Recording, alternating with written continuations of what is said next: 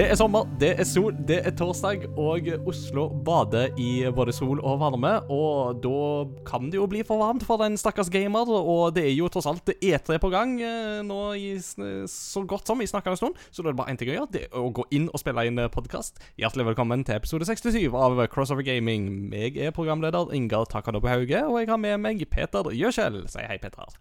Hei. Hei. Vi er jo egentlig normalt tre stykk, men for en halvtime siden så fikk vi melding fra tredjemann, Mats Jakob Nesmann, om at eh, han ikke var helt i form og måtte stå over dagens episode. Så i dag, Peter, så blir det bare du og meg. Yep. Det er jo litt sånn «Rrr, lall, men Ja. eh, Men det får gå likevel, det. ja, det får gå lall. Ja. Eh, nå ser jo jeg deg sånn relativt ofte her på campus, men øh, nå kan jo du, du kan jo si litt hva du har pusla med i det siste, og det, om det er noe å melde for publikum.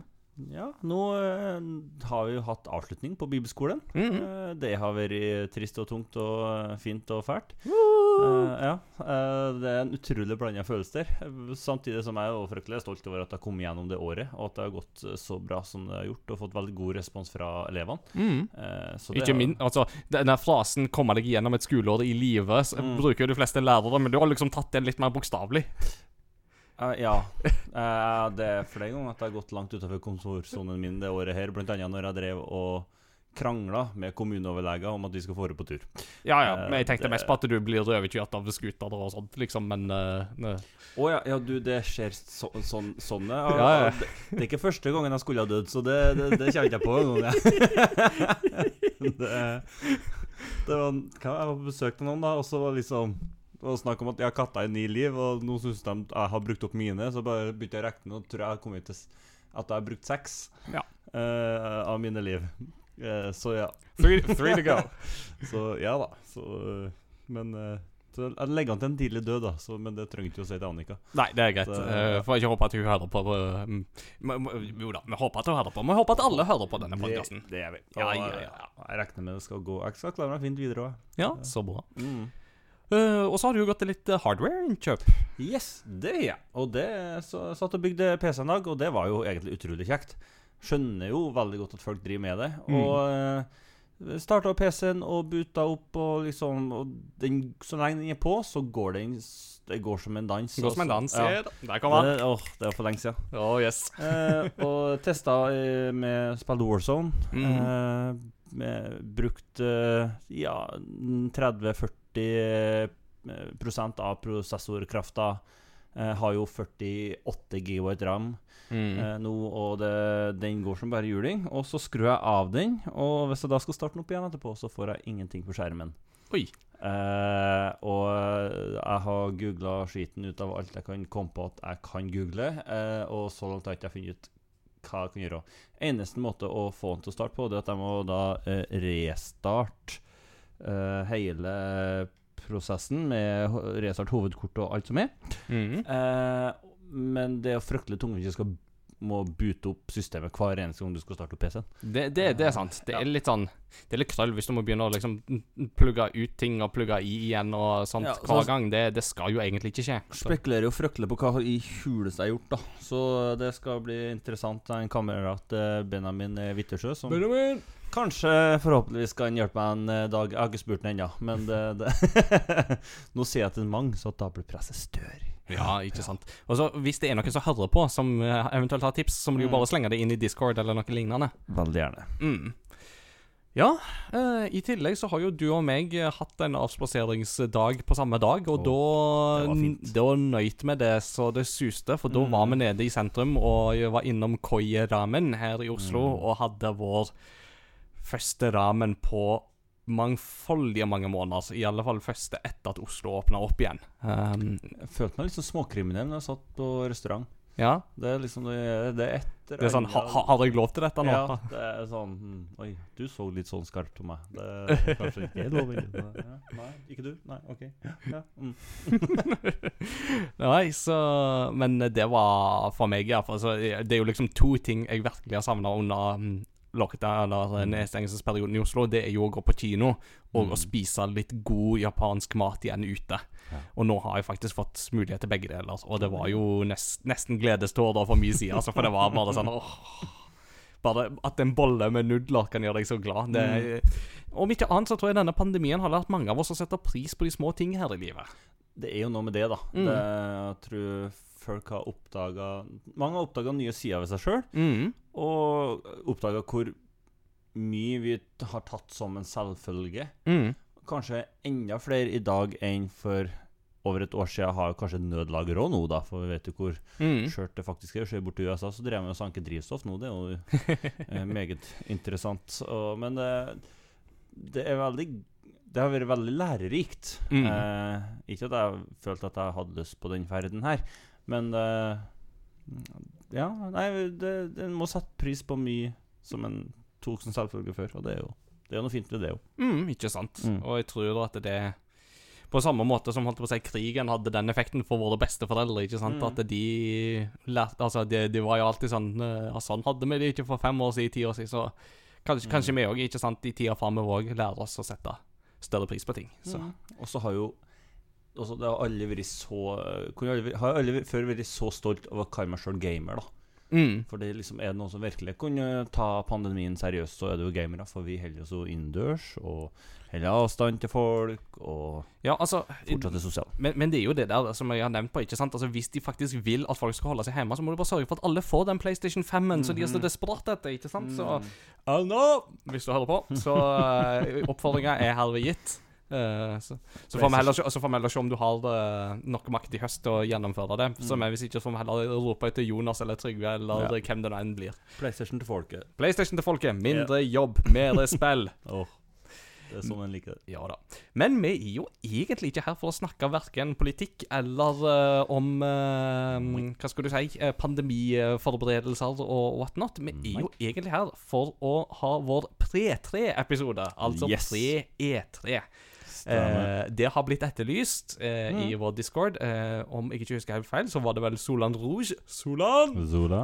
Som for øvrig er et fantastisk bra nikk. Eh, så Ja. Så, så i denne episoden så kommer det til å bli litt E3-forhåndsinntrykket fra oss. Litt òg grunnen til at vi publiserer denne episoden litt tidligere enn vi pleier. Og så kommer vi tilbake da med E3-høymessen, som vi jo pleier å ha Mm. etter hver E3. Eh, som da blir på en måte sommeravslutninga. Og det blir jo da neste episode igjen. Så den eh, da, da samler vi opp inntrykkene og sånt. Veldig realt for meg. For jeg har ofte arbeidet mye på somrene, så har jeg vært hjemme, og så har jeg aldri helt fått med meg E3. Mm. Eh, nå har jeg ikke noe valg. Nei, ikke. Det sant. utrolig greit å bare ha det presset på seg. Nå er du programforplikta til å følge med. Jeg er faktisk det. Ja, så det er Så eh, da jeg vil bare si en takk til Jo, jo, bare hele forsamlinga og ypperste og alt sammen, for at jeg blir tvunget til å se på E3. Ja, ja, ja, det er bra. Det settes pris på. Og så hørte jeg noen rykter om at det er noe EM og sånt òg, men det hadde jeg helt glemt ut før noen nevnte det i dag, så det er ikke så viktig. Skjønner ikke hva du snakker om. Nei. Skal ikke nevne PTV-en. Oi, shit. Så nei, men uh, før vi kommer så langt, så Mhm. må vi jo ta en fast spalte.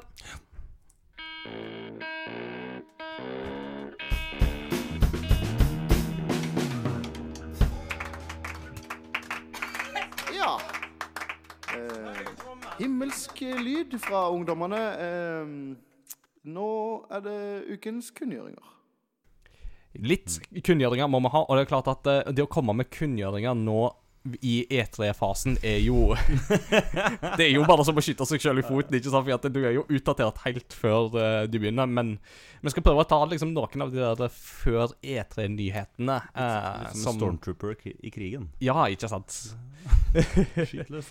Eh, aller først så tenker jeg at det er jo seg hør og bør med en aldri så liten shoutout til nerdelandslaget i år òg, som jo Mhm. hadde jo en 50 timers livestream eh, til inntekt eh, for Mental Helse Ungdom, og de samla jo over én million kroner til det arbeidet.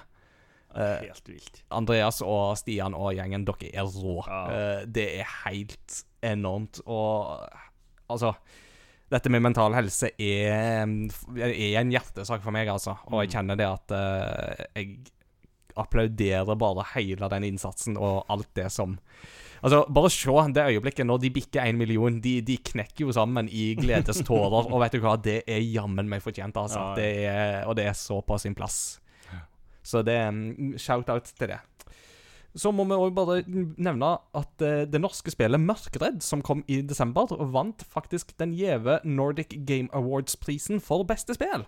Det er kult. Det er ganske imponerende. Ja. Da er jo det spillet liksom i samme bre... Altså det, Vi snakker jo om liksom at da er du liksom konkurrerer med de største i Sverige og Mm. Danmark, og da utkonkurrerer du jo fort sånne studioer som lager både ting som Hitman og Battlefield og whatnot. Så det, um, det var ganske store titler som ble knocka til side for det, altså. Og det er første gang et norsk spill har vunnet den prisen. Oi, Så det er veldig imponerende. det er kult. Det er kjempekult.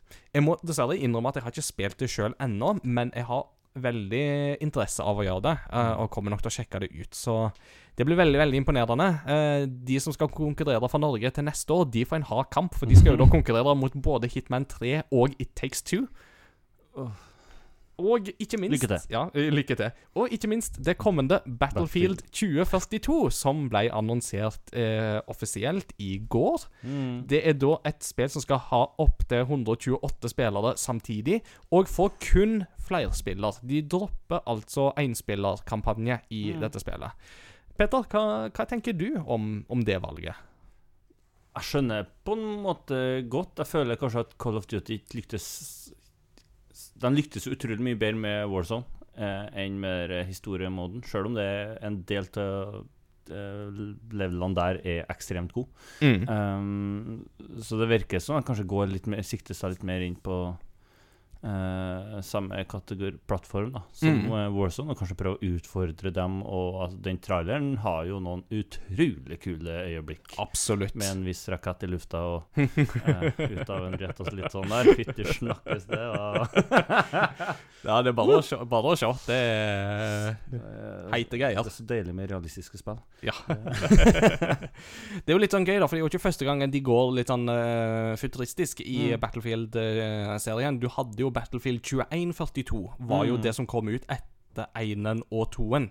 Ja, Eh. 2006. Ja, da snakker vi sånn midten av 2000-tallet, så kom det ut. Og det var jo et ganske kult konsept, men der hadde de jo litt sånn kul, eh, kule story og sånt òg, Mm. så det er jo litt synd at de ikke spiller videre på den. Men eh, samtidig så Hvis de gjør det bra, så kan det jo bli veldig, veldig bra. Mm. Og jeg føler jo at på skytespill så har jo online-markedet blitt utrolig mye større eh, i det siste. Samtidig som du har jo enkelte som meg, da, som egentlig er veldig glad i eh, story og historiespill og Mm. det å spille for meg sjøl. så for min del så taper det jo noe veldig, sant? men er noe eh, 2020 lært meg, så er det jo hvor utrolig kjekt det er å spille eh, online med venner. Ja. Eh, da, eller den Warzone eh, eh, I hvert fall, ja. Jeg har jo spilt Overwatch en del år tidligere, men jeg Mm. føler jeg blir litt annen plattform likevel. ikke sant? Det, det er ikke så krise å dø der. Nei, nei, det er liksom det. Eh, Speaking of which, så er det jo kommet en Overwatch-relatert nyhet òg Mm. nå i de siste dagene. Overwatch får nå crossplay på tvers av Mm. ulike plattformer. Eh, det vil si, de får ikke crossplay på tvers av generasjoner. Det får de ikke. Så PlayStation 4 og PlayStation 5 vil fortsatt eh, i mangle crossplay-muligheten. Men det skyldes nok at man tenker at det er Mm. mange som har fått seg en PlayStation 5 vil ikke spille så mye på PlayStation 4. Uh, men det er iallfall ting de vil eventuelt se på i framtida, Mm. eh, har de jo snakka om. Um, og det er jo fortsatt sånn at du kan skru av funksjonaliteten på de fleste plattformer, bortsett fra på PC, av en eller annen grunn. Uh, men eh, at det, det da er Det vil være på en måte en sånn Hva skal du si Hvis du kun spiller liksom på PlayStation, og kun har et parti som spiller på PlayStation, så vil Mm. dere i utgangspunktet matches opp med andre på PlayStation. Mm. Men hvis jeg spiller på Switch, og du spiller på PC, f.eks., Mm. og vi er i ei gruppe i lag, så vil vi havne i lag med andre spillere som òg er i gruppa. Så, men det at du kan skru deg av på uh, all annet enn PC, kan det ha med at de tenker at de som spiller på PC, har en liten fordel? Med, Ja, jeg- jeg- og at da er det kanskje bedre for dem som spiller på konsoll, og kan skru av den muligheten for å slippe å må møte folk som spiller på tastatur og mus. Ja, jeg òg tenker liksom litt at det kan være årsaken her, Mm. faktisk. Så at det mm, Det gir litt mening. det, det gjør det, altså. Det gjør det. Ja. Så Sam, samtidig, en god konsollspiller skal ikke kimse av. Nei, nei, nei, absolutt Eh, ikke. Fytti, det er noen gode streamere ute og går der òg. Mm, ikke sant. Så, men uansett, en veldig gladelig nyhet eh, på høy overtid, ikke mm. minst. Eh, Så, så det er bra at um, Overwatch får den muligheten. Så har det òg kommet en nyhet om en uh, ikke så veldig uventa utsettelse. God of War blir utsatt til 2022. Uh, mm. Og det er òg annonsert at spillet kommer til PlayStation 4 i tillegg til PlayStation 5. Hmm.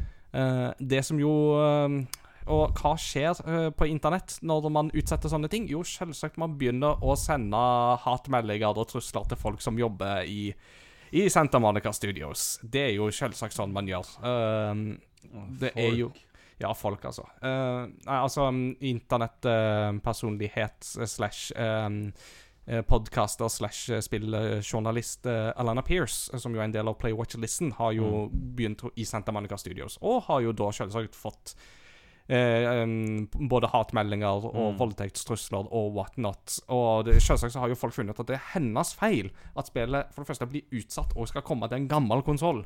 Mm. Eh, og da har jo da Corey Barlog, eh, som eh, er sjef for God of War, sagt at eh, hvis dere har issues, folkens, skjerp dere. Eh, ta det med meg, for det er jeg som sitter og tar disse avgjørelsene til syvende og sist. Ikke ta det med folk som ble ansatt for noen få måneder siden. Ta det med meg. Mm. Eh, og det, da har jo Phil Spencer, som jo er Xbox-sjef, Mm. gått ut og sagt dette, det er sånn godt lederskap ser ut. Mm. Eh, så applaus til Phil Kult. Spencer for Ja. den, og en eh, litt ukristelig finger til de som ikke klarer å holde seg i skinnet, altså. Det Nei. Eh, Dere, må dere som gjør det, dere må høre vår episode om eh, digital ukultur. Mm. Gå tilbake og hør den, og så kom, kan vi snakkes etterpå. Eller gå på bibelskolen i fjellet, så skal vi lære om det. Ja. det. Ikke sant. Fortsatt plass. Ja. um, og så, rett før vi nå skulle spille inn episoden eh, Nei, før vi tar den nyheten, så må vi nevne at Ken og Roberta Williams skal eh, lage spill igjen. Eh, og du, Peter, er jo kanskje såpass ung at du har ikke så mye forhold til Sierra. Nei. Nei. Eh. Tenke, tenke, tenke, tenke. Nei. Altså, Sierra var jo et av de store eh, amerikanske spillselskapene som vokste fram på 80-tallet, som var drevet av ekteparet Ken og eh, Roberta Ja. Williams. eh, der han programmerte, og hun skrev eh, spill. Og da Mm. fikk du serier som Police Quest og Space Quest og Kings Quest. Det er kanskje det de er mest Mm. kjent for. Og Sierra var jo òg selskapet som i sin tid ga ut Half-Life. At de var på publisher-sida. Uh, Sierra er liksom ikke like stort nå som det det var den gang. Uh, hvis det i det hele tatt eksisterer, så er det mer sånn shell company, på en Mm. måte. Uh, og Ken og Roberta Williams de har jo egentlig pensjonert seg for lenge siden. De har jo levd på inntektene, og så har de egentlig bare seilt jorda rundt og bare på en måte kost seg. Det det er, De er så koselige. Det er livsnytere. Men, men nå er det sånn Nå har Roberta har fått ideen til et nytt spill, og Ken har lært seg litt sånn ny 3D-programmering og sånt, så da har de funnet ut å, vi har lyst til å lage noe nytt. Ja. Så da skal de gjøre det. Wow. Så det er så koselig. Ja, det er kjempekos. så det blir veldig spennende å se hva de kan få til der. Mm. Vi vet ikke Absolutt. så mye ennå om plattform og, og sånt, men det kommer nok Ja. etter hvert. Ja, ja. Mm. Og så til den store nyheten som da kom bare en knapp time før vi begynte innspillinga. Mhm. Så er det nå meldt om at EA har opplevd et gigantisk hackerangrep. Eh, dette er jo noe som andre studier som CD Projekt Red opplevde, jo for noen måneder siden. Mm. Capcom har jo opplevd før det, og Nintendo har jo òg hatt noen lekkasjer. Eh, her så har da hack hackere klart å logge seg inn hos EA og hente ut 400, nei, 780 gigabyte med materiale, inkludert kildekoden til Fifa 21. Eh, kildekoden til matchmaking-systemet til Fifa 21. Og på toppen av det hele kildekoden til Frostbite-grafikkmotoren. som jo EA bruker i så å si alt. Eh, nesten alt. Og- hackerne, hackerne snakker mye om at eh, dette kan godt være at de finner på å viderepublisere for Mm. eh, inntekter eh, på det svarte markedet. Og det er jo Hva skal vi si? Det å få så mye kildekode ut, det er jo en Katastrofe. Ja, det, du sa det. Katastrofe. Det er bare å si lal. Sure. Sure.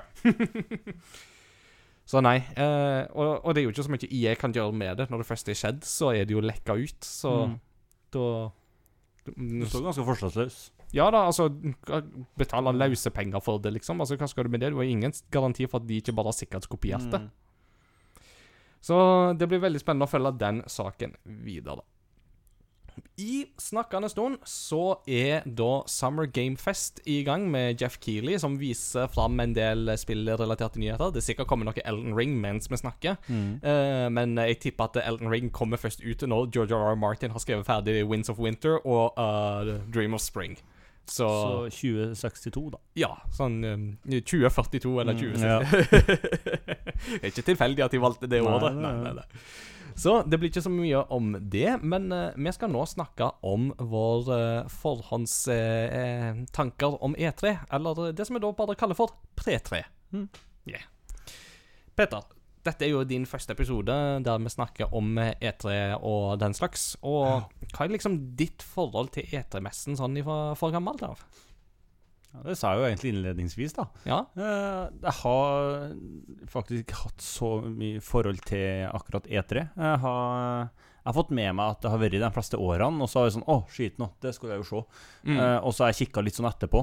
Eh, jeg visste ikke hvor stort det faktisk var før jeg kom til Oslo, eh, oh. og fikk eh, ble kjent med folk som faktisk har en veldig stor interesse inn mot E3 og spillnyheter og sånt. Mm. Um, så det er, Ja. Så nei, altfor lite. Uh, det er en sånn ting som er på lista, og, og det, her, det her må jeg begynne å få med meg. Og Mm. liksom, ja, følge med litt med på litt for, altså, inn mot jobben, men mest fordi det er jo kjekt og spennende. Ja. Eh, ja. Mm. Og, og for de som ikke hører Eller for, for de som ikke hører på, så er det jo ikke så farlig. Men for de som hører på, og som kanskje ikke vet hva E3 er, så er jo da E3 er jo da Electronic Entertainment Expo, som har vært på en måte et samlepunkt for gaming-relaterte nyheter, begivenheter, presse, utviklere, studio Altså the whole shebang. Mm. Uh, helt siden da 1995, uh, og da kun ikke arrangert i fjor av uh, naturlige pandemirelaterte årsaker. Eh, som jo da eh, arrangeres som regel i Los Angeles. Det har vært noen tilfeller der de har arrangert eh, E3 andre steder, men det har vært veldig, veldig få tilfeller. Og før så var det jo da kun utviklere og, og utgivere og presse som var, fikk lov å gå på E3. Eh, og så har det åpna mer for vanlig publikum senere, men det er fortsatt veldig mye presse og sånt tilgjengelig. Og før så var jo E3 en sånn arena der eh, Basically så var det jo sånn at det var stedet der forhandlere kunne møte utgivere og sikre seg spill som skulle komme ut i løpet av det kommende året. Mm. Eh, men det har jo forandra veldig natur siden den gang. Og det er jo ikke så uvanlig at eh, store konsoller f.eks. blir presentert og annonsert under E3, og 299. 299 for eksempel. Eller 599 US dollars. mm, Å, kjære venn. Sony er jo da de som har både holdt på å si, vunnet E3 og tapt Mm. E3 eh, ved flere anledninger. Sony skal jo da ikke være med så mye under årets E3. De har uh, ikke sagt så mye om når de skal ha en sånn stor sommerpresentasjon, men uh, de kommer nok med et eller annet på et tidspunkt, så vi forventer å se. Men de fleste andre skal jo være med på E3 i år. Så jeg tenkte at før vi da begynner på en måte å snakke om våre forhåpninger og forventninger og hva vi gleder oss mest til, så tenkte jeg bare å gå litt kjapt igjennom de forskjellige konferansene som skal være, og presentasjonene. Vi har allerede hatt noe som heter Guerrilla Collective, som er en sånn indie game eh, showcase. Eh, de har hatt sin første del, og så har jo da Battlefield-presentasjonen vært. Nå mens vi snakker, så foregår da Summer Game Fest, som ikke er direkte E3-relatert, men som da Jeff Keeley, som jo er en stor uh, nyhetspersonlighet òg i, i spillbransjen, uh, arrangerer. Så det var jo annet under en av disse Jeff Keeley-eventene at eh, Xbox Series X ble presentert for første gang. Stemmer. Eh, så, eller iallfall at vi fikk se hvordan den ser ut. Så det kan komme mye gøy ut av Keeley sine ting. Mm.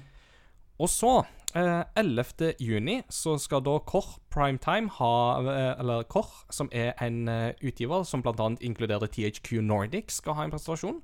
Og de eier jo ganske mange forskjellige studio histapister her og der, så det kan være litt sånn interessant. Mm. IGN de skal ha noe greier òg 11. juni. Eh, de er jo en spillmedieside, kanskje verdens eh, største. Så um, det kan jo kanskje være noen intervjuer eller noe sånt, men det kan jo hende at de sitter på noen scoops der. Håper det. Mm. 12.6 så skal Guerrilla Collective ha sin andre presentasjon. Og så skal Ubisoft ha sin presentasjon òg den 12.6 klokka 9. -hmm. Devolver Digital de er jo kjent for å lage sånne føljetong-serier om absurditeter og galskap fra ende til annen, eh, som jo har gått over flere E3-er. Så det blir fryktelig spennende å se hva de har kokt sammen eh, nå i år. Jeg liker gamer.no som har sagt de skal være her, og det kan bare bety én ting. Nok en bisarr pressekonferanse som inneholder spillannonseringer i kledd galskap fra Devolver-gjengen. Ja. Det er liksom- Det er akkurat det det, det, er akkurat det, det innebærer, faktisk. Så Du må bare se den. Ja, det, ja, Og Devolver Digital eh, de har jo gitt ut ganske mange spennende ting i løpet av de siste årene. Altså Blant annet Fall Guys er jo under Devolver-paraplyen. Aha, ikke. Mm, så de er litt spennende å følge med på. Mm. Bare en halvtime etter Devolver så skal Gearbox ha en presentasjon eh, den 12. juni. Jeg er litt usikker på hva de kommer til å presentere, for Borderlands 3 har jo blitt lansert. Mm. Eh, men det kan hende de har noe DLC-materiale til Borderlands som de vil snakke litt om. Hvem vet? Det, det er ikke så lett å si, det, mm, men ja. Og så, ved 13. juni, da er jo E3 virkelig begynt uh, for fullt. For da kommer Microsoft Betesta-presentasjonen. Microsoft og Betesta skal jo da ha samtidig, uh, Mm. naturlig nok, siden Microsoft nå eier Betesta. Og så skal det være PC Game Showcase uh, den 13. juni klokka 8. Square Enix skal ha en presentasjon 13. juni. Um, og så 14. juni så skal vi ha noe som heter Future Games Show. Der er jeg litt usikker på hva det egentlig innebærer. Og så skal det være en eh, litt sånn større E3 generell presentasjon den 14. juni. Og Capcom skal òg ha sin presentasjon 14. juni. Mm. Og så 15. juni klokka seks norsk tid så skal da Nintendo ha sin store presentasjon. Mhm. Der de har lova 40 minutter med mange spennende titler, der de fleste av de kommer i 2021. Bandai Namco skal ha 15. juni 23.25. Og så skal EA eh, til slutt ha 22. juli, så det blir liksom veldig Mm. lenge etter E3 igjen. Mm. Um, hva de vil vise da, det blir jo interessant å se. De har jo allerede vist Battlefield, eh, men det blir spennende å se. Future Game ser ut som skal ha et større fokus på mobilspill og konsollspill. Ja. Det er et samarbeid med PC Gaming Show. Det er samarbeid med PC Gaming Show, ja. Mm. Riktig, så det blir en sånn kontinuitet til det. Ja, Mm. nei, men det, det kan jo bli interessant å se hva de Mm. bringer Satt av rundt to timer på den. Mm. Ja, så bra. Så Ja. hva Hva for en av disse presentasjonene er det egentlig vi nå ser mest fram til? Hvis du skal plukke tre, Peter. Takk at jeg fikk så mange. ja, ja, du skal slippe å bare ha én. Mm. Altså, det etere er at du gleder deg til mange ting. ja, ja. Ja, ja. Eh, Nintendo gleder jeg meg jo til. Pluss én. Ja, det, det jeg har veldig mange forventninger. At Uh, Den er veldig spent på hva er det de skal komme med. Og 21 titler! Kjære vene. Det ja, for de har spesifisert at det er 21. Var ikke det?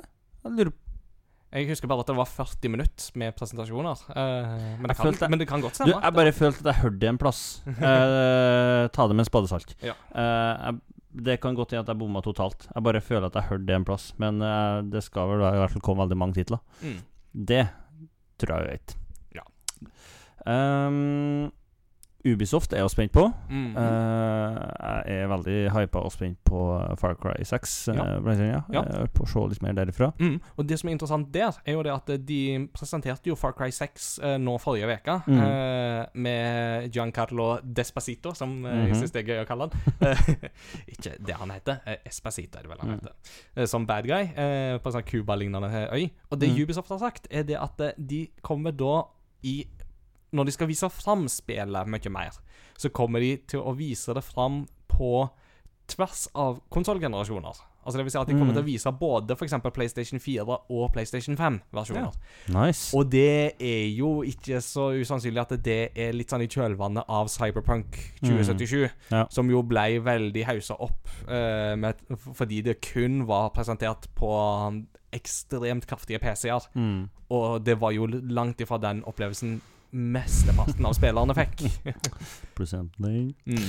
Så det er interessant at Ubisoft har lærdom av det, og Mm. det blir spennende å se. Mm. I tillegg så uh, driter de visst med et Star Wars-spill, da. Og Det det, er sant. er jo spennende om vi kanskje får noe mer om det. Mm. Det er jo ikke venta før 2023, om jeg husker rett, så det er jo ennå en liten stund til. Men eh, det kan jo hende vi får noen detaljer om hva det skal innebære. innebære. Ja, og det er, lov, altså, er kjekt å glede seg lenge, da. Ja, Det er jo noe med det. Ja, ja, ja. Det går helt, hel, et helt år og venter på å pakke noen juletrær òg. Det er like, fortsatt like kjekt. det, eh, altså, den er jeg spent på. Mm. Eh, det var to. Ja. Nå har jeg et problem. Nummer tre. Det er Dun, dun, Ja. dun, dun, dun, dun, dun, dun, dun, dun, dun, det her er- nei, kanskje-. Xbox. Da- Halo. Ja. Det er jo det. Mm. Det må nesten bli den uten at jeg helt har sjekka ut hva de kommer med. Og sånn der Og så er det veldig spennende at de har slått sammen sammen med Betesta, mm. eh, og hva vi kan få ut av det. Ja det er jo veldig store spekulasjoner på at Starfield vil eh, bli vist mer fram på den yeah. konferansen. Eh, og det er jo ikke så rent usannsynlig. Eh, med, de har jo i utgangspunktet sagt at Starfield kommer før Dealer Scroll 6. Mm. Uh, og nå er det veldig lenge siden vi har sett noe av Starfield. Uh, men det kan òg være at de rett og slett holder kortene tett til brystet helt til de har noe klart å presentere. Mm. Og det hadde vært veldig veldig spennende hvis de faktisk klarer å lansere det sånn rundt omkring juletider i mm. år. Mm. Ja. Um, og altså, nå, nå har jo Xbox fått veldig mye goodwill det siste året. Mm. Fordi de har klart starten på denne konsollgenerasjonen veldig, veldig bra. Med Mm. GamePass og gode utgivelser, stabil um, ytelse av, alle, eller av de fleste spillene. Og, og oppskalering av gamle spill, ikke minst. Og den Mm. støtten som er der, er jo helt formidabel. Uh, så, så akkurat nå, i år, så er det Microsoft som har det momentumet. Eh, Mm. Og da blir det veldig spennende å se hva de presenterer på sin konferanse. Eh, Mm. ikke minst da som når de har Bethesda med på laget òg. Og så må vi trekke fram ikke minst uh, Age of Empires 4. Ja, ikke minst. Det som er veldig, veldig spennende nyheter for Mm. uh, en som starta hele sin gamerkarriere i Age of Empires. Det er sant. åh. oh, den, den ser jeg, altså. Ja. Og, det, og det kom jo i høst. Det vet vi også. Det er jo Mm. Ja, ja. mulig at vi får se mer av det. Det hadde vært veldig artig. jeg håper det. Mm. Eh, jeg tenker jo som så at det um, Halo eh, vil vi jo sikkert se litt mer av, garantert. Eh, De har jo holdt på å si, nærmest Master Chief veldig tydelig Det- på bildet til mm, E3-presentasjonen sin òg, så Ja, fronten der, så det mm. Men uh, om de rekker 2021, det gjenstår jo å se. Uh, Men altså, da skal, altså Viktigst at det blir bra når det kommer. ja da. Det- Ja, ja, ja, Ta absolutt. dere tida. Ja da. Og vi, og vi må bare være forberedt på at eh, utsettelser eh, relatert til pandemi og mangel på komponenter, det vil Mm. fortsette i lang tid framover. Yep. Det er vi ikke kvitt. Eh, og jeg nevnte vel på det allerede i fjor sommer, tror jeg, at dette må vi bare bli vant til, folkens. Dette kommer Mm. til å ta flere år før å det stabiliserer seg. Så mm, det vil nok være mange ting som vi får se, men som kan være litt sånn Det er fortsatt litt sånn tentative datoer, så det er ikke sikkert at alt rekker 2021, og det må vi bare respektere. Ja. Mm. Mm. Med den uh, pre presentasjonen presentasjonen der til Microsoft og Bethesda, som vi bare gir pluss én på den òg, Ja. så håper jeg òg på å få se mer av Hellblade 2. ja. Det er jo en tittel som jeg gleder meg veldig til. Mm. Uh, Så det er jeg veldig, veldig spent på å se. Mm. Og så hadde det jo vært litt gøy hvis vi hadde fått uh, kikka litt på dette her Indiana Jones-spelet som eh, Machine Head Studios holder på med. Ah, Altså de som har laga. Wolfenstein. For det er jo under den paraplyen. Det var jo dem, det er dem, det. Ja. Ho, ho, ho, ho, ho, Nå, nå snakker vi. Ja, ja, ja. Så det mm, hadde òg vært veldig gøy Blir det like voldelig, det, tror jeg? Nei, det blir nok ikke like ille, men eh, jeg holdt på å si noe Altså, holdt på å si Slutten på Raiders of the Lost Ark er jo nok til å gi hvem som helst mareritt, litt Det, det er noe med det. For ikke å snakke om Kalima Mm. Oh. Nei, det, det er noe der. Det er lenge siden. Ja.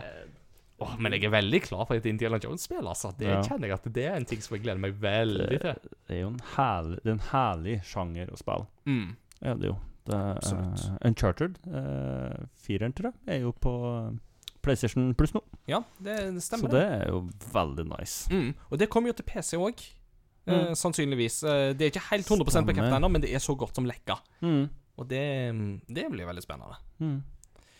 Og ja, og forresten, dere spillet som har snakka om sist gang, som var på Disney Plus Nei, Disney Plus, uh, PlayStation Plus. Uh, Days Gone? Days Gone. Ja. Det var der. Ja, ja, ja. Så jeg har begynt på det. Ja, å, du har begynt på det, ja. Ja, det jeg er så spennende. Jeg måtte jo det da, bare for å Liksom bare Ha-ha, jeg kan spille nå. så gøy. Så det- Det kommer vi sikkert tilbake til i del to, regner jeg med. Oi, spoiler. Ja, ja. ja, ja, det får gå. Det går så fint at Ehm, ja, altså, jeg plusser jo én på alle de som du har nevnt der. Uh, Mm. Jeg er nok kanskje ikke like keen på Ubisoft, for Ubisoft sine kan, prestasjoner kan være litt sånn så som så, men altså, jeg er jo ikke Det er jo ikke feil. Jeg er uerfaren, så det går bra. Ja da. uh, jeg er veldig spent på hva Summer Game Fest presenterer nå, så jeg Mm. vil trekke den, den fram. Ehm, og så er jeg jo naturligvis spent på Square Enix. Det er alltid gøy for meg Ja. som eh, Square Enix-fan å se hva de holder på med. Og vi vet annet at Platinum Games skal vise mer av Babylons Fall, Mm. som var et spill de teaser for to eller tre år siden, og som vi ikke har hørt noe mer om. Og jeg er jo Mm. kjempestor fan av nesten alt Platinum Games uh, tar i. Mm. Eh, så hvis eh, vi får se mer av det, så er jeg veldig spent på hva det kommer til å innebære, og hva Mm. det spillet kommer til å være. Mm. Kanskje noe Final Fantasy-nyheter òg? Ja, ikke minst. Det har jo gått litt rykter om Final Fantasy Origin eh, Mm. med Team Ninja, eh, så det kan jo hende at de presenterte det. Final Fantasy 16 får vi jo kanskje se litt mer av. Mm. Det er jeg jo veldig spent på. Eh, og så var det dette her um, Å, jeg husker ikke hva det spillet het akkurat nå. Uh, med, med sånn uh, Det het Åh. med ei sånn eh, dame som kan reise mellom verdener, og en stor drage og noe sånt. For, Forspoken eller et eller annet sånt, tror jeg det heter. Um, det det het egentlig noe annet. Um, Athea var det vel det het. Project Athea, eller noe sånt. Mm. var det vel egentlig det het. Kanskje vi får se mer av det. Eh, Det hadde vært veldig gøy. For Ja. det ser jo ut til å være bygd Det er jo bygd for next gen, det Mm. spillet. Det har vi liksom sett hele tida. Kult. Mm. Uh, og en siste ting som jeg òg da uh, vil trekke fram, som jeg gleder meg litt til, det er faktisk Capcom. For Capcom de er inne i en eh, god stream for tida. De har jo lansert Resident Evil Village ganske nylig, og Monster Hunter Rise på Switch. Mm. Uh, og de har generelt vært i en god rytme de siste par årene med Altså med spill som de lager i RE Engine, uh, særlig. Um, da har, har du jo hatt spill som Resident Evil og Monster Hunter, men òg Devil May Cry 5 har jo vært titler ja, som jeg har hatt det veldig, ja. veldig gøy med. Um, og vi vet jo, de holder jo på med et par ting. De viste jo på forrige eter, tror jeg det var, så viste de jo et sånn konseptuelt spill om en sånn astronaut som går i en sånn folketom by, og så møter han bare jenter, og så blir de kasta ut i verdensrommet og noe greier. og... Ja, ikke sant? jeg husker jo selvsagt ikke hva det spillet heller heter, Mm, men eh, det var et sånt spill som var sånn Hm, dette så nesten ut som noe Hidio Kojima kunne ha laga. Ja, ikke sant. Og da er vi på. ja da. Um, så da blir det litt sånn spennende å se om de lager noe der. Og så er det jo nå 30 år siden Altså, Street Fighter 2 har 30-årsjubileum i år. Og det er seks Nei, det er fem år siden forrige Street Fighter-spill ble lansert. Kan det hende at de har noe Street Fighter 6 for neste generasjon? Det hadde jo passa seg, da. Det hadde jo det. Mm. Og det er jo fortsatt en av de største franchisene de har. Absolutt. Og personlig så sier jeg jo ikke nei takk til et nytt Megamann-spill. Hvis de kommer med noen Megamann-relaterte ting, så hadde det jo vært veldig gøy. Mm. Um, og ellers er det egentlig bare å liksom tenke hva mer kan de presentere? Uh, vi får se. Så, jeg, så det er liksom litt det. Altså Capcom er liksom det med at uh, de er en god rytme, Mm. men jeg vet samtidig ikke helt hva vi kommer til å få ifra dem, og det gjør det jo veldig spennende. Ja. Mm. Uh, nå er vi jo allerede litt inne på dette her med hva vi håper på å se, og litt sånn, men er det noe sånn Sånn fra Nintendos side, for eksempel. Du jo fram Nintendo som en av konferansene Mm. du ser fram til, og naturlig nok, som jeg òg ser fram til. Det er jo ikke til å stikke under verken en stol eller et bord eller bak et mål eller bak en vogn. Mm. Uh, er det noe særlig fra Nintendo som du håper på å få se litt mer nå den 15.? Og to ting som er liksom på toppen av hodet, da. Og først og fremst så ryktene mot en ny Switch. Ja. Det- Som jeg virkelig håper de kaller Super Nintendo Switch. Ja. Det er det Så det, den, det blir spennende Mm. om eh, hva, er, det, er det rykter, eller er det god gammeldags uh, trumpiske fake news? det, uh, det blir det, det kjenner jeg det er veldig spennende. Mm. Uh, ikke at jeg kommer til å kjøpe den sjøl ennå, i hvert fall. Men det er jo fortsatt kjekt, da. eh, at eh, de fortsatt utvikler en, noe som Det er såpass god oppskrift. Mm. De kan liksom bare kjøre, rulle videre på den ballen. da Ja, ikke sant. Og altså, Switch har jo solgt over 85 millioner konsoller, ikke sant, og er jo bare på vei oppover. Mm. Uh, så um, Altså, rykter om en uh, bedre Switch har jo gått helt siden Switch Lite ble lansert for to år siden. Ja, Eh, og jeg er jo fortsatt der, som jeg har sagt i vår Discord flere ganger. Jeg tror det når jeg ser det. Mm. Altså, men de må faktisk presentere nyheten offentlig før jeg tror på det. Mm. For det er noe med at nå har den spekulasjonen gått og gått og gått så lenge at Ja. jeg er litt sånn Men uh, det er klart at det hadde jo vært gøy, og det er Mm. noen uh, folk som har uttalt seg nå, blant annet uh, er det vel Bloomberg som har vært ute og snakka litt om det, og da er det liksom litt mer kredibilitet med en gang. Mm. Men er fortsatt så er det litt sånn Det er fortsatt et rykte. Ja, det, det er jo det. For at de ikke er det samme som Og hvem og hvor var det, da? Var ikke på E3-messe? Hvor, no- hvor han har sagt et eller annet S- Sega. Ja, han lata som det skulle Eller han sa at å, det her skulle komme, og så var det egentlig bare en spøk. Så da fant jeg, og, og så ble det så sykt dårlig stemning når han fant ut at det var spøk, så da måtte han bare lage det det spillet. Ja, Det- eh, var det Conan Chop Chop du tenker på? Det kan godt hende. Det- Det var en historie som jeg hørte for noen uker siden, som bare kom fram nå. eh, I forbindelse med Apropos rykter. Ja. Eh, så det ble så Publikum fyra seg så sykt etterpå når han skjønte at det der var, det var bare en spøk. Mm. At uh, studiet bare sånn OK, gutta, vi, vi må lage det her. Du, du tenker ikke på den gangen de hypa veldig opp til Final Fantasy 7, uh, og så viser det seg at nei, nei, det er bare det originale spillet som vi har på en måte laga litt penere bakgrunner på. Jeg, litt sånt. jeg, jeg klarer ikke å utdype mer enn det jeg allerede gjorde, så det, vi, vi sier det. Ja, Eh, men pass på så du ikke gir for høye forventninger. Nei, ikke sant. Eh, det, apropos Diablo mobil, Mm. eh, for så vidt. Det, For så vidt sant. eh, andre er jo uh, Selda. Ja, og der er du inne på noe. Selda Mm. har jo 35-årsjubileum i år. eh, og vi får jo allerede Skyward Sword HD, uh, Mm. får vi jo i år. Men de holder jo på med Breath of the Wild 2, det, vet vi jo. Mm. Uh, og det er jo òg mange som skriker etter en samlepakke med klassiske Zelda-spill, sånn som vi fikk den uh, 3D Mario Allstars. Ja, ja. Bare litt mer forseggjort, kanskje. Men jeg, tror, men jeg tror uansett at lanserer de en samlepakke med f.eks.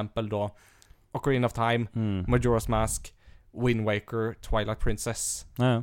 Eh, De fire der, pluss at du da har fått Skyward Sword HD i en egen lansering. Og de liksom om, om de så bare på en måte Altså, Twilight Princess og The Wind Waker lanserte de jo i HD-versjoner på Wii U. ja, Og det er jo flere Wii U-titler de har lansert igjen på Switch. Mm. Og det er jo en av de der Jeg skrev en gang på Game Reactor en sånn fem Wii U-titler vi vil se på Switch. Ja.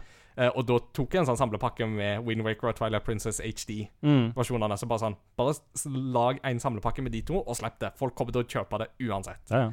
De trenger ikke gjøre noe som helst mest. da. Bare få pa- patche over, og så er det good to go. Mm, ikke sant? Eh, Eh, Sett pris på det. ja, ja, ja. Når det gjelder Ocarina of Time og Majora's Mask, så ville det jo sp- spørs de, om de eventuelt hadde gjort noe der. Men Mm. hadde de f.eks. tatt utgangspunkt i 3DS-utgavene, så er jo en del gjort Mm. der. Ja. Um, men vi får se. Det hadde vært veldig gøy. Um, det er jo òg 40-årsjubileum for Donkey Kong i år. Ikke sant.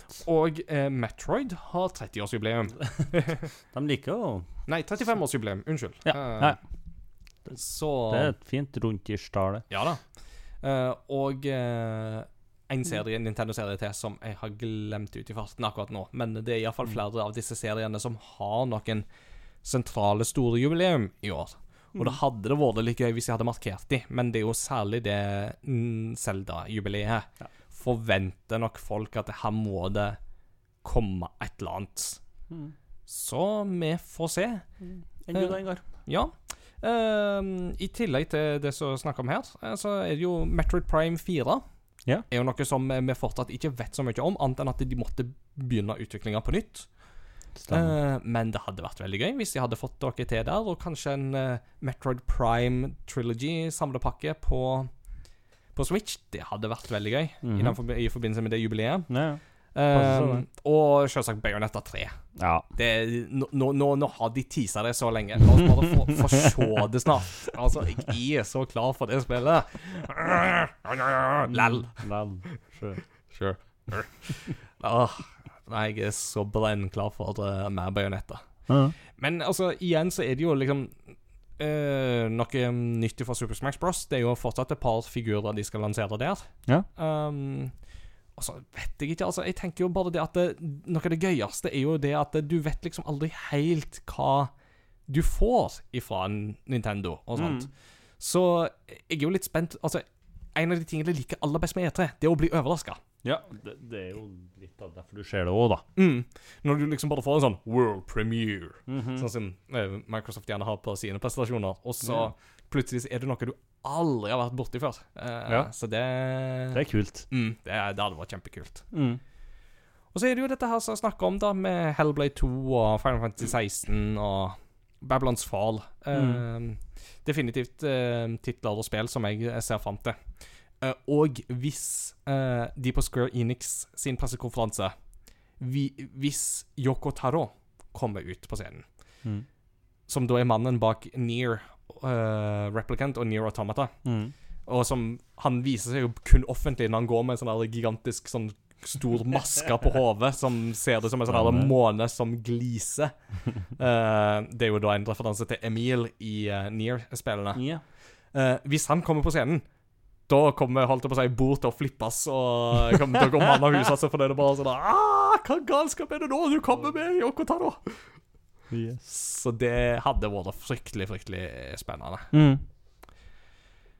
Og da er jeg liksom litt der at jeg tror på en måte jeg har oppsummert litt av det jeg kanskje ser mest fram til. Uh, nå har jeg jo ikke nevnt Elden Ring, uh, men igjen så er det det der med at vi vet så lite om Elden Ring ennå. Det kan bli overraskelse. det, kan, det kommer jo det. Og så er det jo det der med mitt forhold til From Software-spill er jo litt sånn av og på. Eh, men uh, Men ja, vi får bare vente og se. Mm. Og så håper jeg jo da kanskje på Og jeg hadde en tanke når jeg snakket om Elmer Jo, Hidio Kojima. Hva holder han på med nå? Det kan det hende at vi får vite noe mer om. Ja. Eksempel nå på Summer Game Fest, som pågår Mm. nå. Åh, vi må, ja, vi må fortsette den. Ja. Vi vet hva vi skal gjøre når episoden er ferdig. Uh, ja. Mm. Så det er vel egentlig litt sånn våre forhåndsforhåpninger nå til E3, tror jeg. Mm. Ja. Så jeg tenker at eh, det hadde vært veldig interessant å høre hva Mats Jakob hadde hatt å chippe inn med, men han Mm. får skrive til oss i Discord hva han, eh, håpe på. Kanskje han nå skriver i lytteposten? Ja, kanskje han hadde kanskje, kanskje, kanskje det. Vi får ta en pause, tenker jeg, og så får Ja. vi ta og se om han har skrevet noe i lytterposten. Og Mm. hvis ikke, så får vi hente lytterposter fra andre lyttere. Ja, fin på noe. Ja da. Da har eh, vi liksom nevnt våre ting, så nå tar vi en liten pause. Og så skal vi høre fra lytterne hva de gleder seg mest til i årets E E3.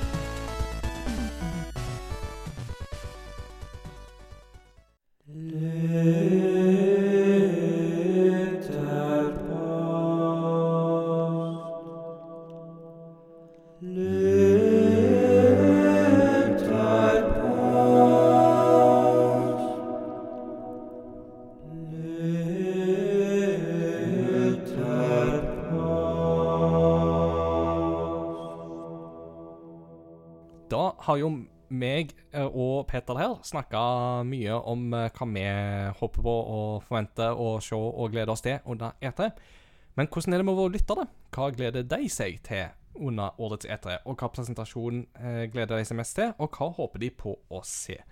Det har vi stilt på Facebook og Discord. Eh, dere finner lenker til begge deler på crossovergaming.no. eh, bli med oss. Det er veldig kjekt å henge der, eh, syns iallfall jeg. Eh, jeg er jo partisk, så det spiller kanskje ikke så stor rolle hva jeg sier. Men det er iallfall veldig veldig trivelig gjeng. Eh, Superkoselig stemning og ja. Folk er så, folk er så aktive. Folk er så aktive, og så er de så hyggelige. De respekterer reglene om at vi skal, vi skal Det skal være lov å være uenige, men vi skal ha liksom en god og saklig tone og respektere hverandre og ha det kjekt. Og det blir respektert så til de grader. Så Mm, ja, det er jo verdens letteste modereringsjobb. Ja, Faktisk. Gratulerer, Erik. Jo, jo. Diakonen vår kan sove på jobb siden han Mm. har så lite å moderere. Nei da. Så eh, jeg eh, tenkte jo da å gå til Facebook og lese et svar som jeg har fått der, fra David Pletten Aasgard. Jeg holdt på å si Ågård, men det var ikke riktig. Aasgard. Eh, David han skriver Kunne virkelig tenkt meg mer om The Elder Scrolls 6. Må den ikke bli Xbox exclusive? Eh, det er jo mm. megasannsynlig. Mm. The Sons of the Forest, oppfølgeren til Senua Sacrifice, må den heller ikke bli Xbox exclusive. Uh, uh, dette er jo ønska for hans side, selvsagt at den ikke skal bli det. Ja. Og Days Gone 2. Tviler yeah. på at noe skjer med det første og siste spillet jeg nevnte, men håpet lever. Mm. Ja, jeg, jeg, jeg, jeg skulle håpe og ønske at uh, du får Days Gone 2 en gang, David, uh, men de har jo dessverre sagt nesten ganske klart og tydelig at de jobber med noe nytt, og ikke en oppfølger, så det blir nok ikke med det første. Men uh, E3 er jo plassen der folk skal bare kunne si 'Seik, vi lurte dere', hadde Mhm. Days Gone 2. Så det er jo lov å leve i håpet. Det, det er jo det. Det er jo en Mm. del av spenninga. Ja da. Så Og så håper jeg jo da for de som ikke sitter med en Xbox eller en PC, men med en uh, PlayStation, at uh, de iallfall kan få noen av disse Betesta-stortitlene. Mm. Uh, så en får leve i tro og ikke beskuelse, tenker jeg. Eh, før jeg vil lese min, så vil jeg bare takke Christian for at han uh, kommer opp. For at han ikke føler seg truffet på den uh, dyslektsvennlige lytteposten. Veldig flott. Det Men jeg tenkte jeg starte med Nikolai. Nikolai. Yep. Jeg har størst forventning til Nintendo. Tror det kan komme mange gode spill fra den kanten. Håper på mer informasjon om i hvert fall noen av Noen av um, Breath of the Wild 2, Metroid Prime 4 og det ryktede 3D Donkey Kong fra folkene bak Mario Odyssey og Bayonetta 3. Mm. Ellers har jeg troen på Microsoft, som kommer med mye snadder. Det har jo vært, eh, de har jo vært on, the roll, on a roll i det, den siste tiden, og GamePass bugner jo av delikatesser. Det stemmer. Satser på en overraskelse eller to av typen nye kjøp av selskap og nye storspill til plattformen. Mm.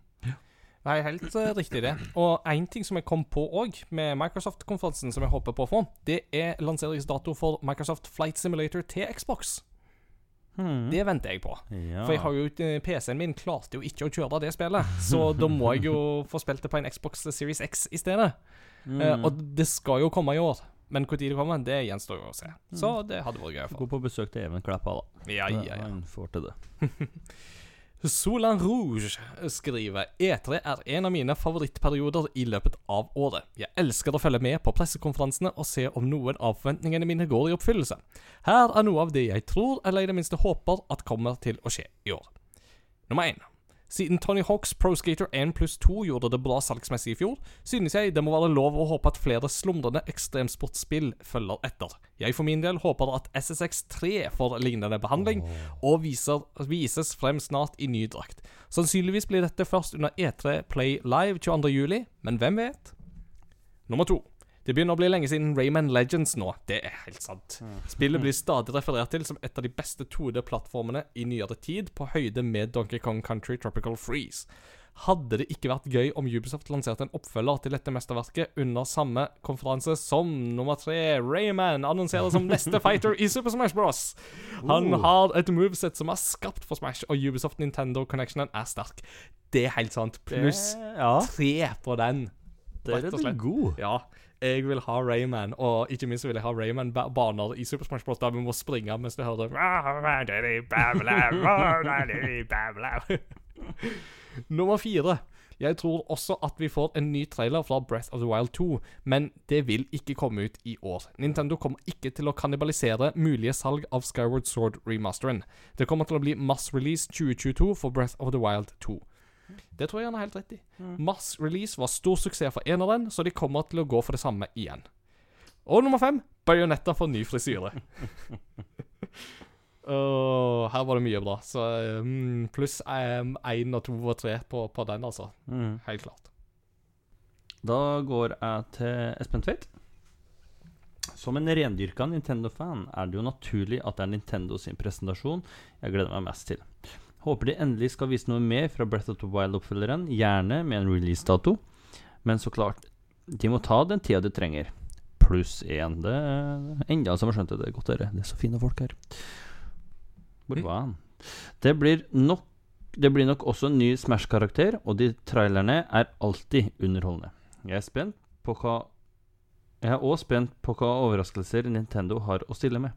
Etter skytespill med Blekksprut Kids og boksespill Ja, ja det spiller Blekksprut Kids. Det er bare Black Blekksprut unger. jeg. og boksespill med lange armer blir det nekke wacky Blir det nek... Hva, hva blir det Hva neste? skal vi blir se. Ja, nest... Det, du, den, nå prøvde å gjøre det vanskelig for meg. Hva blir det neste wacky konseptet fra Nintendo? Mm. Det, altså, det er en del gode poeng ute her. Ja, ja. ja. Mm. Så får dere prøve å sette sammen forståelig, dere som hører på. Det er også lov å hoppe på Wave Race til Switch? Spørsmålstegn. Ellers er jo Devol Devoler Digital et annet høydepunkt fra, å se fram til.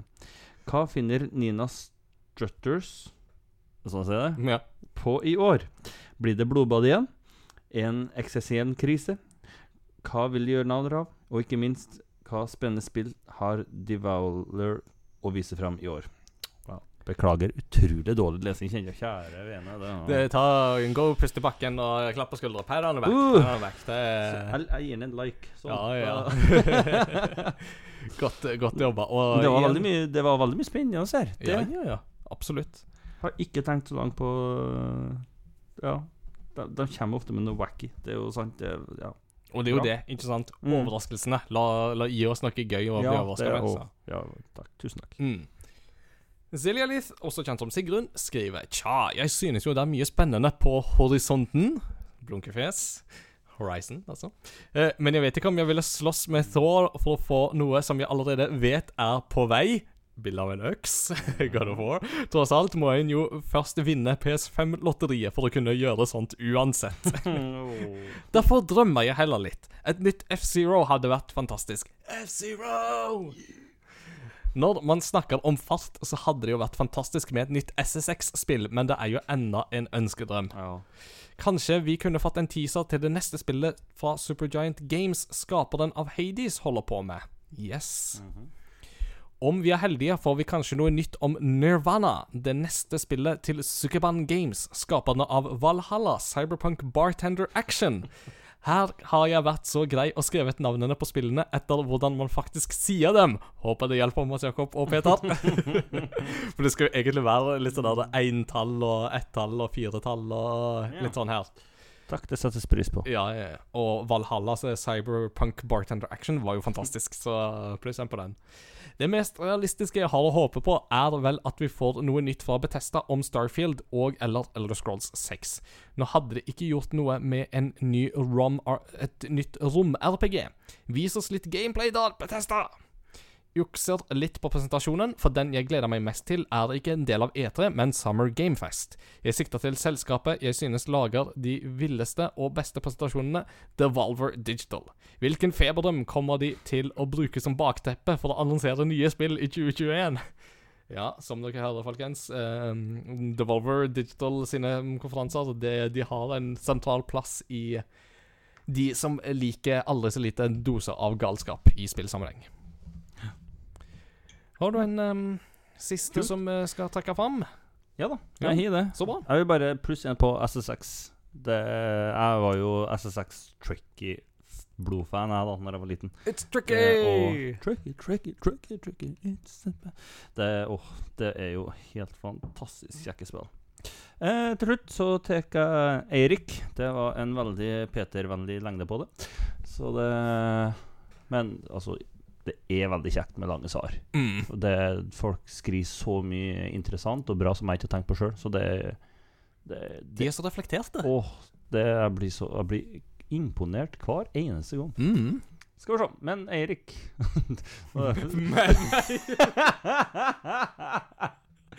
Som òg er en utrolig smart og reflektert type.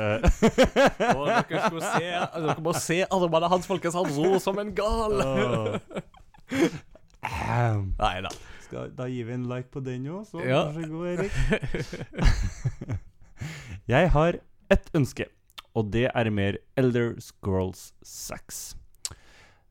Breath of the Wild 2 hadde også vært gøy, men det har jeg ikke venta like lenge på. Hmm. Smilefjes. Snakker om å vente lenge. Det er lenge siden vi har hørt og sett noe mer fra Beyond Good Nivel Evil 2 nå. Kanskje vi får mer av det på Ubisoft? Mm. Vi får vente og se. Uansett, det var det vi hadde for lytterne i denne omgang. Tusen hjertelig takk til alle som skriver. Vi leser alt og setter pris på absolutt alt. Og, og keep them coming, folkens. Og vi håper at alle ønsker blir oppfylt, inkludert de som eventuelt måtte motsi hverandre.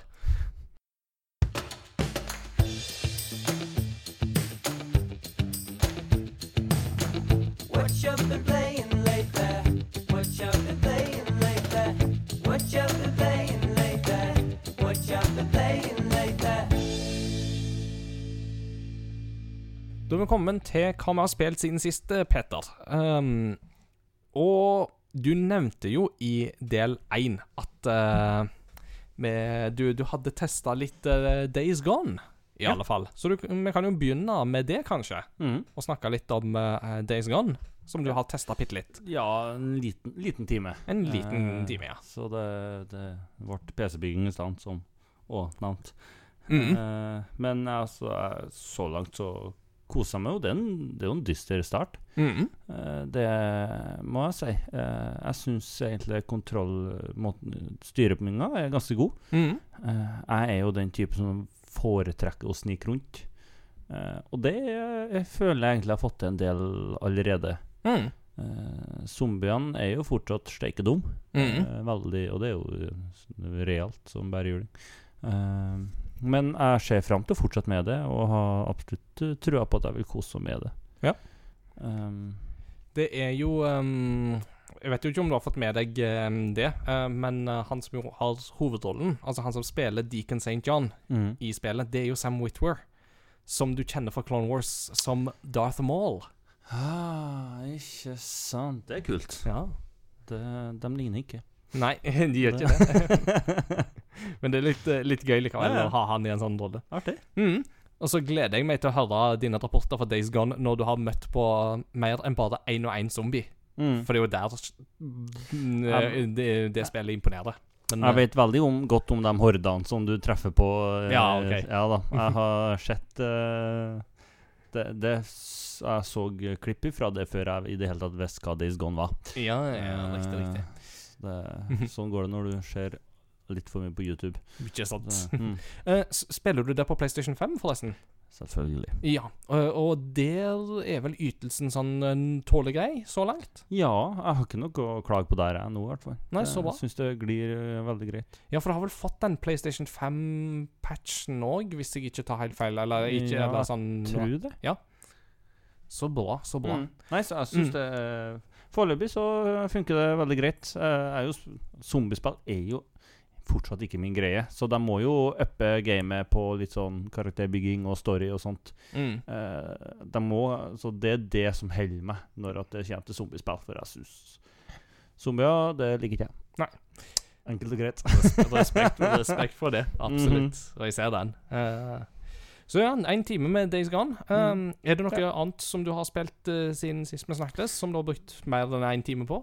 Det, Luigi's Mansion har gått veldig mye i siste, Ja. og, og det har jeg fullført. ja. Det, yes. Gratulerer. Og, takk, takk. Og det er jo, det er jo fortsatt det mest nusselige skrekkspillet jeg har vært borti. det er ikke mye skummelt. Det, det er barnevennlig skrekk, rett og slett. Mm. og det, er jeg har kost meg gløgg i hjel hele veien. Det, Mm. Det er utrolig Det er et vakkert spill, og det er, det er god, Jeg syns det er forholdsvis gode bosser. Det, du merker at det er jo òg lagd for et litt yngre publikum, Mm. eh, så jeg har jo ikke akkurat hatt noen problemer. Eh, jeg fylte nå på med bein, da, så jeg tenkte jeg skulle ha litt å gå på, men jeg fikk jo ikke bruk for halvparten engang. Så det Men hva bruker du bein ja, til? si, for, for dere som ikke vet det, så kan du kjøpe uh, bein. For da, hvis at du da går tom for eh, liv, Mm. så har du en sånn uh, poltergeist-hund eller spøkelseshund eller hva Polterpup. Ja. ja, jeg traff. Ja. Eh, som da kommer og eh, tar et bein, og så sleiker den deg i ansiktet. Så da får du fylt på Da får du fullt med liv, og så kan du fortsette akkurat der du slapp. Mm. Eh, en veldig nusselig måte å gjøre det på, egentlig. For Ja, ikke sant. Kommer liksom rundt og ser egentlig ikke helt Vet egentlig ikke helt hvem sitt lag han skal være med på. Mm. Han bare springer rundt og syns det er artig. Ja. Eh, alt. Og Ja. får bein. Mm, ikke Så det er liksom der vi er. Jeg, jeg, jeg, jeg minnes jo um, Det blir jo en bitte liten spoiler for de som ikke har spilt spillet. Um, men uh, jeg har jo særlig sansen for denne etasjen med han filmregissøren. Ja. Der du skal poppe inn i forskjellige Ja, ja. eller er forskjellige skjermer og sånt. Mm. Ikke minst fordi at han regissøren ser jo ut som Quentin Tarantino. Jep. Så jeg syns jo det er en artig liten Mm. detalj. At uh, du har en sånn Tarantino-ghost som uh, jobb, jobber med film og ikke får det til, så må du basically hjelpe han å lage den neste filmen. Mm. Bare uten all den Tarantino-splatteren som eh, Ja, det går en del bygg, da. Ja, det gjør det, men Mm. det er jo noe annet. Men det, ja, ja, det er litt mer sånn Godzilla-vibes igjen. mm. Det hadde det... liksom vært litt interessant hvis Tarantino noen gang hadde laga en kaiju-film. Det hadde vært artig. Så han hadde laga et monster-Godzilla-film. Ja, det hadde jo endt Det starta med liksom svære monster, og så har det endt opp med en tsunami i form av blod. Det er jo det vi hadde, da hadde endt opp. Så jeg vet ikke helt, jeg. Ikke sånn på 4D, i hvert fall. Dynka rødt hele gjengen når det går ut. Det, men nei, veldig kjekt spill. Jeg anbefaler på det sterkeste. Mm. Det kan jeg gjøre. Og et av de kjekkere spillene jeg har spilt i år, kanskje. Ja. Faktisk. Mm. Nice. Ellers har jeg gått mye til av det vanlige. eh, Warzone. -hmm. uh, litt Rocket League. Ja. Um, jeg glemte jo selvsagt å sjekke opp på forhånd hva jeg skulle spille og har spilt, vet du. Så det, men har, det har vært avslutning, ja. på, så jeg har jo faktisk ikke spilt noe mye. Nei, nei.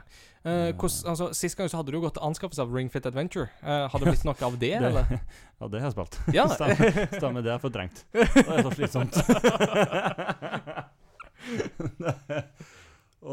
Er både jeg og kona spiller jo det. ja. Og puste og perse og s- puste, pese og porske og styre på, vet du. Mm. Eh, og synes det, det er jo en fin, fin måte å få i litt ekstra trening. Absolutt. Eh, det er litt kjekkere. Mm. Eh, samtidig som jeg syns jo fort at det er fryktelig kjedelig å trene, da. Ja. så det er liksom det er sånn det, det, det, Ja. Det, men det funker Mm. foreløpig. Så klarer det å få meg i gang. Ja. Mm. Så bra. Det- så ja, bra. Jeg tror det var, det var vel det meste fra meg. Ja, Mm. Så bra, så bra. Oh, Apex. Apex, ja. Ja. Ja. Så hadde jeg spilt med den en dag. Det var, eh, det var kjekt å få en, en liten sånn tatt igjen det. Ja. Uh, sug. Så det var Bare gi meg en lyd neste gang dere Mm. eventuelt trenger en til, så er jeg Ja, med. ja. Man bare får PC-en til å funke. Mm. Uh, Sjøl så har det vært liksom innspurt i eksamenssesong og alt sånt Mm. eh, på jobb og sånt, og det har rett og slett ikke vært verken mye tid eller overskudd til å spille så altfor masse. Men det, når jeg da først har spilt, så har jeg spilt i utgangspunktet én ting, og det er Returnal. Ja. Uh, for uh, jeg har oppdaga med Returnal at uh, dette er da litt sånn som Jeg snakket litt med eh, min uh, redaksjonssjef i Game Reactor, Eirik Eirik! Uh, Chatta litt med han om det, om at eh, det er sånn Nå, nå skjønner Altså, jeg innbiller meg at den flyten du etter hvert får i Returnal, er litt den som From Software spiller det. Ja. Snakk om når de spiller Dark Souls og Mm. Bloodborne og sånt, at når du liksom kommer i den, så er det veldig, veldig givende. Mm. For det er jo Returnal. Ja. Men da blir det desto verre å liksom skulle gi slipp på den flyten. Så jeg tør liksom ikke begynne på noe annet stort mens jeg spiller Returnal. Uh, så jeg har ennå ikke begynt på Resident Evil, og jeg har ennå ikke Mm. begynt på Mass Effect.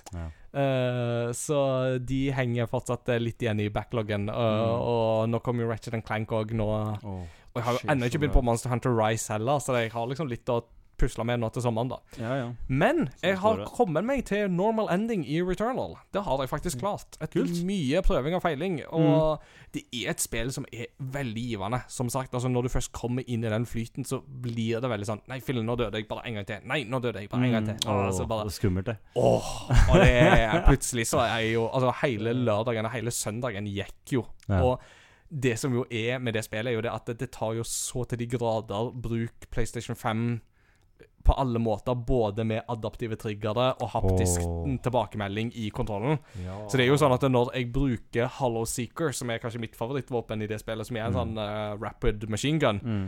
så eh, trykker jeg jo inn venstre um, triggerknapp lite grann, og Mm. får liksom denne drrr, For hvis jeg Mm. trykker den helt inn, så får jeg sånn alternate fire-ting yeah. på den. Stemmer. Og etter liksom å ha sittet liksom i tre, fire, fem timer i strekk med den kontrollen og bare kjent liksom drrrr, drrrr, drrrr, Så går jeg og legger fram kontrollen, og så kjenner jeg bare at det fortsatt i armen så er det nesten sånn der fantomsmerte i armen. Så bare er det sånn drrrr, drrrr. Og jeg bare sånn Ja, det er arm Jeg vet at du vil spille med Returnal, men nå må vi ha en pause. Og faktisk så har da Returnal eh, gjort at jeg har gått til anskaffelse av eh, dette her PlayStation 3D Audio Pulse-headsetet. For å få testa mer Jo, det. Ja, jeg har det. det Kult. Ja. For å få testa 3D-audio i en mye Mm. større grad. Og det òg er et område der det spillet virkelig briljerer. Altså, det nice. er den fyldige lyden, og hvordan det er veldig sånn tredimensjonalt. Eh, fortsatt så er jeg nok der at Hellblade er nok det spillet som har gitt meg den beste 3D-audio-opplevelsen, helt klart. Mm. Men dette er Altså, Returnal er en showcase for det PlayStation 5 er i stand til. Eh, både grafisk, men òg med tanke på lyd og med kontrollsystem og sånne ting. Mm. Så er det, det Det er kjempegivende.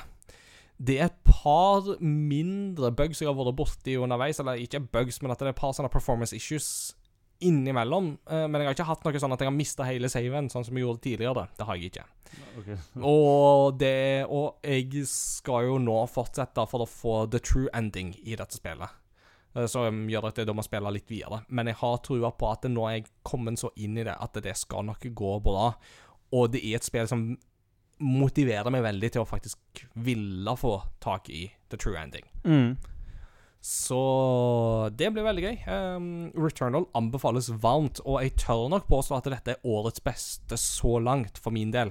Kult. Eh, helt klart. Uh, oh, jeg, jeg, har, jeg har Det er på lista, altså. Det Mm. jeg har det jo fysisk, så du kan jo låne det av meg.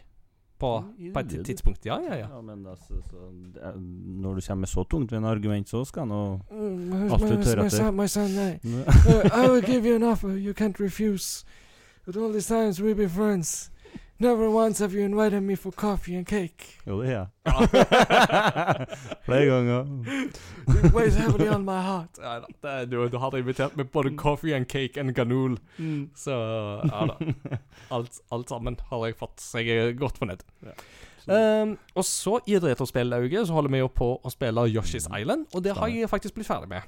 Nice. Uh, siste retrospillauget-samlinga ble et kvarter forsinka fordi at jeg måtte jobbe meg gjennom siste bossen, som var vesentlig vanskeligere enn det jeg hadde sett for meg. Uh, Ikke sant. mm, og det spillet blir vanskelig til Mm. tider, altså. Det blir så sjukt vanskelig til tider. Artig, da. Ja, men det er artig. Eh, men eh, det er jo sånn Jeg spiller jo på Super, Jeg har spilt det på Super Nintendo. Og da er det jo sånn Altså, dør du, så dør du. Eh, og du har noen checkpoints underveis, men eh, fortsatt, liksom du, Gjør du en liten glipp, så dør du. Mm. Eh, mens disse andre som jo har vært med og spilt i retrospillauget, har jo spilt det på Switch, og der har du jo en rewind-funksjon gjør at du kan spole tilbake. Ah, Og så Ja. Og som Det var ved Sigrun som sa det, at eh, dette er virkelig spillet som har åpna opp for hvor genial den rewind-funksjonen faktisk er. mm. For nettopp å kunne komme gjennom sånne spill. Det er jo ikke sånn at du må bruke rewind-funksjonen, men det at du faktisk har den tilgjengelig, gjør at spillet blir mye mer tilgjengelig. Mm. Så vi kommer til å ha en egen episode om eh, Yoshi's Island og de opplevelsene der, så det skal jeg etter hvert snakke mer om. Mm. Og så en siste ting. Jeg har òg testa en sånn liten preview for eh, Game Rector, Kult. men jeg kan ikke si hva det er. Ennå. Så det kommer Ikke, ikke kult. Nei, ikke så kult. Men uh, det er sånne ting som heter sperrefrister og sånt, så um, da må vi respektere det. Det er liksom som. Ja da. Men, eh, mm, men følg med neste uke, så kommer det nok den teksten uh, på, på sida etter hvert. Mm. Uh, og så kan jeg kanskje snakke litt om det i neste episode. Ja. Mm. Nice. Så det var egentlig det. det. Overwatch og skal jeg liksom ikke plage folk eh, så mye med, men uh, moro er det for lell. Ja, ja. Jeg tror folk vet hva det er nå. ja da. Får håpe det.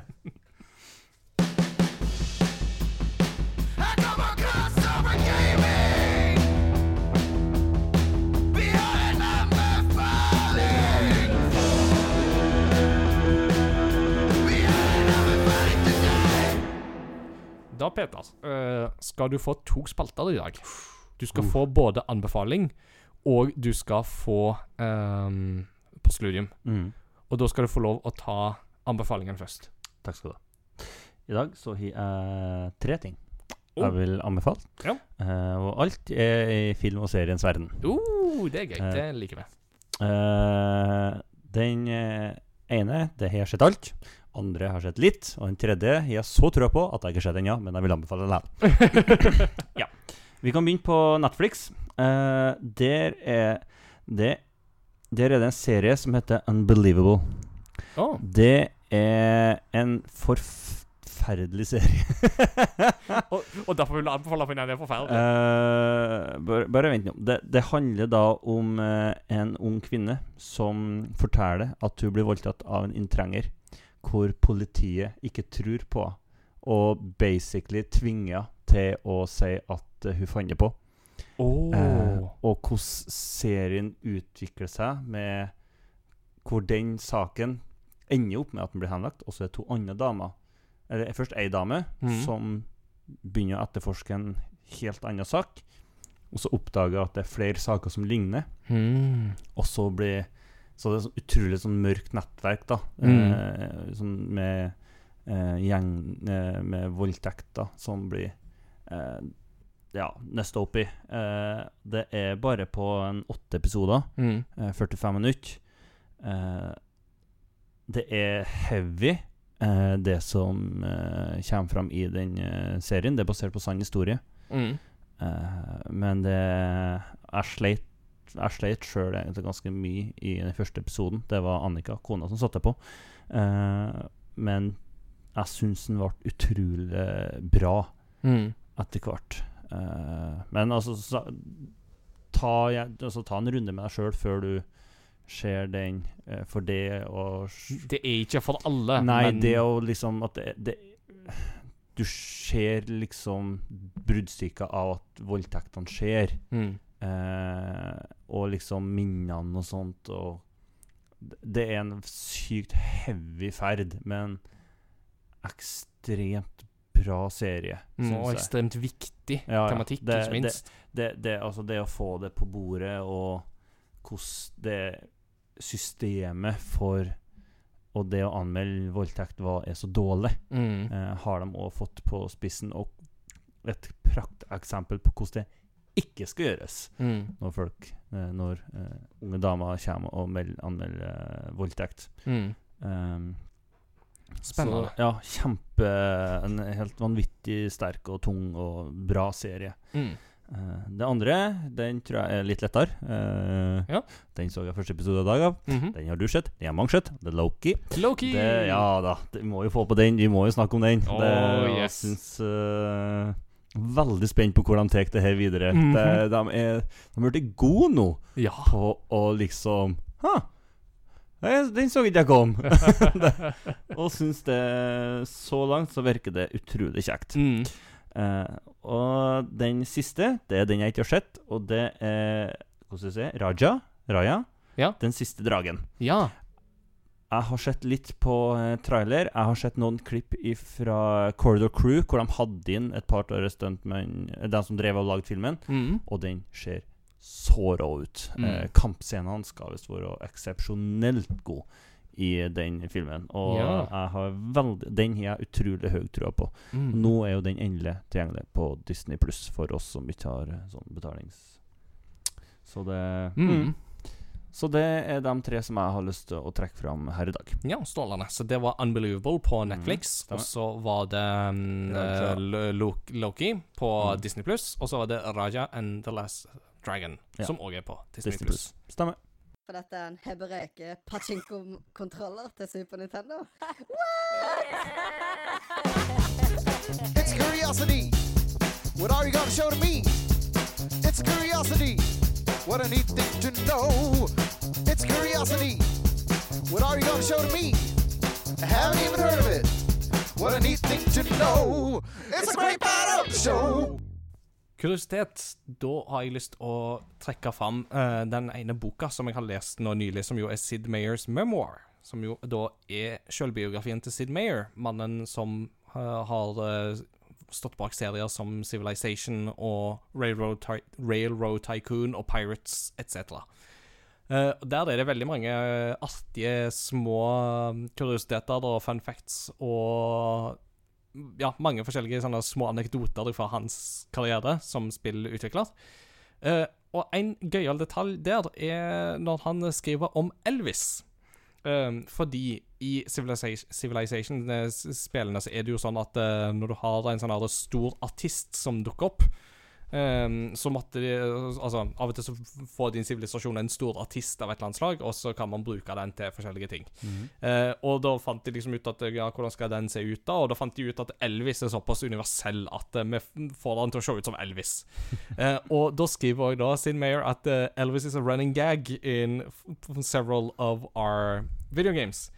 Inkludert da et sånn gøyalt lite easter egg i Civilization 3. Um, for i Civilization 3 så er det da koda sånn at hvis du spiller spillet på 8. januar, så blir du da som The King eh, gjort om til Elvis. Og grunnen til det er jo da selvsagt at 8. januar er jo Elvis' fødselsdag. Mm, selvfølgelig. Selvfølgelig. Så normalt så er det jo bare, holdt jeg på å si, ser du kanskje bare ut som en vanlig konge, men eh, hvis du da booter opp Civilization 3 den 8. januar, så blir du til Elvis. Oh, det er fint. It's good to be the king. Oh. Mm. Så det var kuriositet. Mhm. Og da tenker jeg at vi må ha et lite postludium og avslutte det hele med. Hva Mhm. har du lyst til å trekke fram? Da har jeg lyst til å trekke fram det spillet jeg snakka om i stad, som jeg har fullført. Eh, musikk fra Luigi's Mansion. Og hvis du klarer å finne det, og spesielt den musikken når han eh, eh, Forskeren ringer deg. Ja, Professor Egad. Oh yes. Det altså Jeg er som regel ikke så treg til å ta telefonen, men når han ringer, Mm. den melodien der, den vil jeg gjerne høre litt mer til. Så da er jeg veldig treg. Ja. Uh, til, så det, den er munter, god, og det blir godt humør, Mm. rett og slett, av å høre den musikken der. Det er jo eneste gangen i Luigi's Mansion 3 at det originale Luigi's Mansion-temaet dukker opp, for det er jo den ringetonen. Så Ja, ja. da um, så, så, Ja, så det skal vi klare å få til på en eller annen måte. Mm. Mm. Konge. Ja, absolutt. All right, folkens. Da er det på tide for Peter og meg å se hva Jeff Keeley har kokt sammen mens vi har uh, Mhm. satt og tatt opp. Så da tenker jeg at vi sier takk for nå. Kos dere med E3-messen mens den holder på. Og så møtes vi igjen til E3-høymesse uh, neste, i neste episode. Mm. Som kommer litt tidligere enn eh, det den normalt ville gjort. Det blir nok siste episoden før vi tar en liten sommerferie. Mm. Men eh, det er kjekt å kunne feire E3-høymesse igjen. Det gleder vi oss til. Mm. Takk for at dere var med på Pre3. Eh, husk å anbefale oss til venner og kjente, og si vi har den anbefalingen til deg. Eh, lik oss på Facebook og Discord og hele sulamitten hvis du ikke har gjort det allerede. Og Mm. vi snakkes ved neste korsvei. Ha det bra! Ha det. Bye, bye. Bye.